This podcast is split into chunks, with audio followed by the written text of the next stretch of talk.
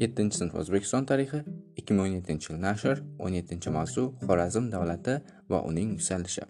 Birinchi reja Mamuniylar davrida Xorazm. 995 yilda Gurganch miri Mamun ibn Muhammad Kat shahrini ishg'ol qilib, Xorazmning ikkala qismini birlashtirdi va Xorazmshoh unvoniga sazovor bo'ldi. Shu tariqa Afrixiylar sulolasi barham topib, Mamuniylar hukmronligi boshlandi. ko'hna urganch xorazmshohlar davlatining poytaxtiga aylandi qisqa davr ichida mo'miniylar xorazmshohlar davlatini ijtimoiy siyosiy iqtisodiy va madaniy jihatdan rivojlantirdilar. Mamlakat viloyat shahar va qishloqlarga ajratib boshqarildi. Xorazmshoh davlatining oliy va mutlaq hokimi hisoblanardi. Gurganchda shoh qarorgohi markaziy boshqarma devonxona tashkil etildi. Uning tarkibida ziroat savdo tijorat moliya soliq shahar va qishloqlarda osoyishtalikni saqlash uchun harbiy ishlar bilan shug'ullanadigan mahkamalar faoliyat ko'rsatgan. Davlatning eng yuqori lozimlaridan biri vazirlik xo'jayi buzruk unvoniga ega bo'lgan. U devonxona ishlariga mas'ul bo'lgan. Harbiy safarlar vaqtida hukmdor nomidan davlatni idora etgan. Ikkinchi reja mustaqillik uchun kurash. 1017 yilda Mahmud G'aznaviy tomonidan zabt etilib, o'z mustaqilligini mahrum bo'lgan Xorazm 1040 yilda Saljuqiylar davlatiga qaram bo'lib qoladi. Saljuqiylar hukmdori Malikchoh o'z ma'murlaridan Anushtagini Xorazmga noib qilib tayinlaydi. anushtegin vafotidan so'ng Xorazmda uning vorisi Qutbiddin Muhammad 1097-1127 noblik qiladi. Garchi u Xorazmshoh unvonini tiklab bunday nom bilan ulug'lansa-da, Saljuqiylar davlatining sadoqatli nobligicha qolgan edi. Xorazmning mustaqilligi Qutbiddin Muhammadning o'g'li Otsiz 1127-1156 nom bilan bog'liqdir. Dastavval Otsiz turkman va qipchoqlarni o'ziga bo'ysundirish bo'ysundirdi. Xorazm bilan iqtisodiy jihatdan bog'liq bo'lgan Sirdaryo etaklari va Mang'ishloq yarimorolini egallaydi. Otsiz Kaspiy dengizi sohillaridan to Sirdaryoning o'rtoq qimiga qadar bo'lgan yerlarda Xorazmshohlar davlatining poydevorini barpo etadi. uchinchi reja Xorazmshohlar davlatining tashkil topishi.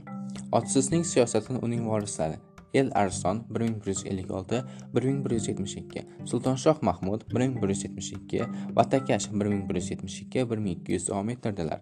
12-asrning ikkinchi yarmida Movarounnahr va Xurosonda siyosiy vaziyat yanada keskinlashadi. 1153-yilda Sulton Sanjarga qarshi ko'chmanchi o'g'izlar isyon ko'taradilar. Buning oqibatida Saljuqiylar davlati keskin zarbaga uchrab, zaiflashib qoladi. Dastavval undan Kichik Osiyo va Kermon ajralib ketadi, so'ngra Fors, Ozarbayjon, Xuroson viloyatlari mustaqil bo'lib oladi. Bunday siyosiy vaziyatda shubhasiz Xorazmning hukmronlik doirasi kengaytirilib, uning mustaqilligi yanada mustahkamlanadi. Xorazm davlati ayniqsa Otsizning nabirasi Takash davrida juda kengayadi. 1187-1193 yillarda u Nishopur, Ray va Marv shaharlarini zabt etadi. 1194 yilda esa Saljuqiylar sultoni To'g'rulga qaqshatqich zarba berib, Eronni Xorazmga bo'ysundiradi.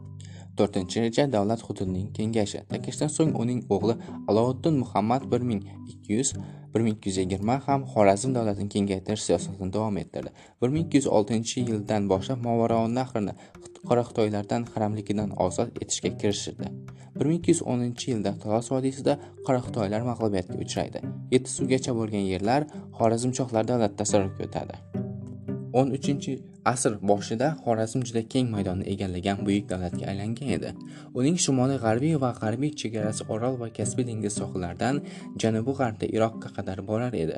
Janubi sharqiy hududlari g'azna viloyatidan shimoli sharqiy chegarasi esa yettisuv va dashti qipchoqdan o'tar edi.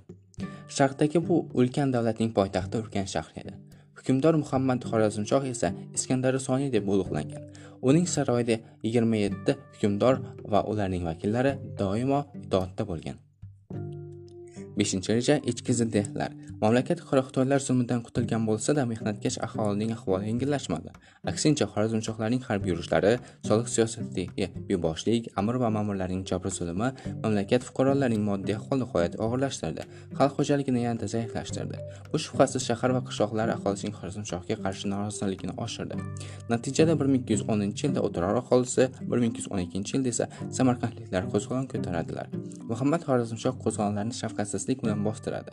Viloyat hukmdorlarining isyonlari xalqning ko'pgina tabaqalari noroziligi qo'shin va saroyda fitnalarning avj olishi davlatning beqarorlik holatini yaqqol ko'rsatar edi. Shuning uchun ham bu davlat ko'p yashamadi.